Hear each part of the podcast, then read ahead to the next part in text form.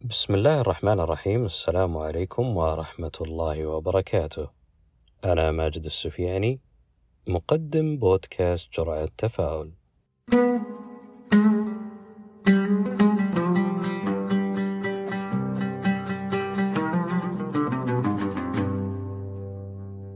من الصعب أن ننكر أو نتجاهل أننا في مرات عديدة وفي مواقف وظروف مختلفة في حياتنا كان من المفترض أو من الأفضل أن نقوم بأمور وخطوات معينة تفاعلا مع ذلك الموقف أو ذلك الظرف أو حتى قد تكون رغبة شخصية بالقيام بشيء معين.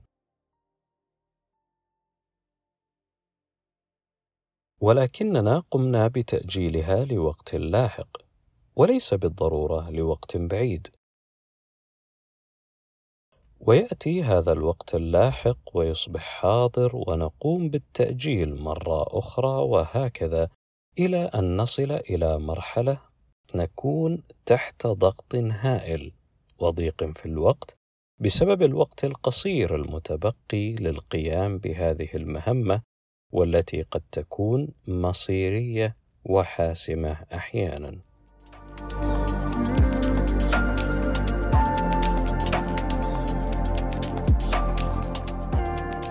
وعلى سبيل المثال لا الحصر قد تكون المهمة عبارة عن تسليم عمل إلى مديرك في وقت محدد أو مذاكرة من أجل امتحان أو سداد مستحقات مالية. ومن المهم معرفة بأن التسويف والتأجيل ليس بالضرورة أن يكون في الأمور التي لا نرغب القيام بها أو في الأمور التي نحن مجبرين على القيام بها. بل بالعكس التسويف قد يحدث أيضا في أمور نحب أن نقوم بها ونرغب بإنجازها وليس هناك من يحاسبنا في حال عدم إنجازها في الوقت المحدد عدا ضميرك.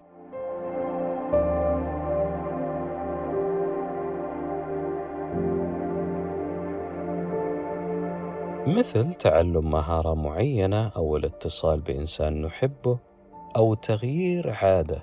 ومع ذلك نتفنن في تأجيلها إلى أجل مسمى مزعوم. الحقيقة هي أن التسويف أمر لا يمكننا القضاء عليه بشكل تام.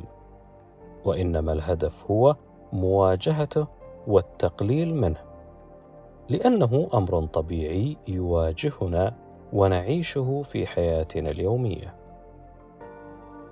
وتختلف أسباب التسويف من شخص إلى آخر وهي أسباب عديدة منها التشتت وعدم وضوح الأولويات في حياتك وعدم الإدراك أو التهاون في عواقب عدم إنجاز الأمر الذي يجب أن تقوم به.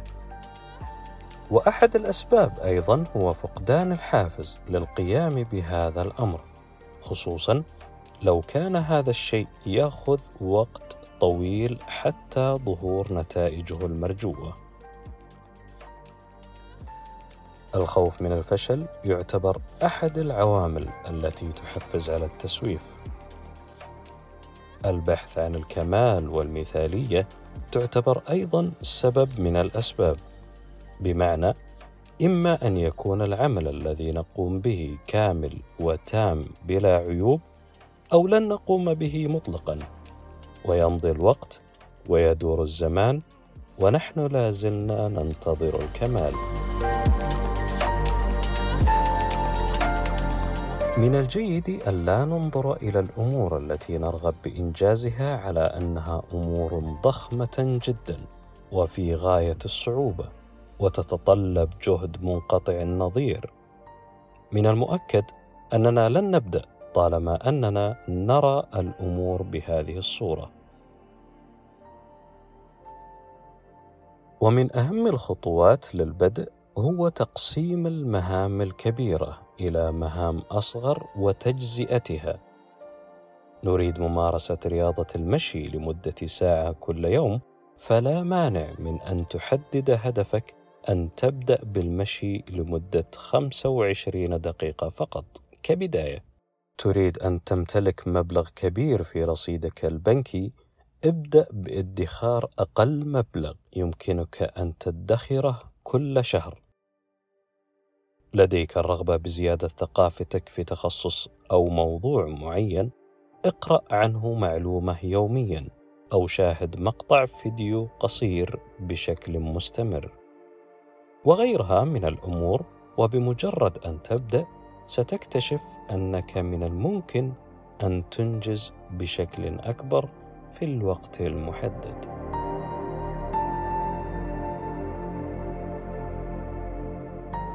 تحديد تاريخ أو وقت معين لإنجاز ما ترغب القيام به قد يساهم في التخفيف من التسويف، فالمواعيد المفتوحة قد تكون حافز كبير للتسويف.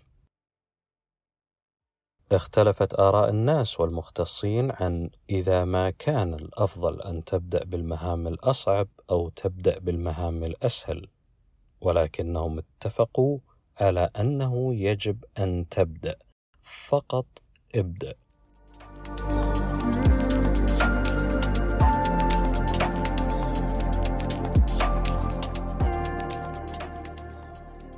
وفي الختام تذكر أنه لا يوجد إنسان يستطيع مساعدتك غيرك أنت.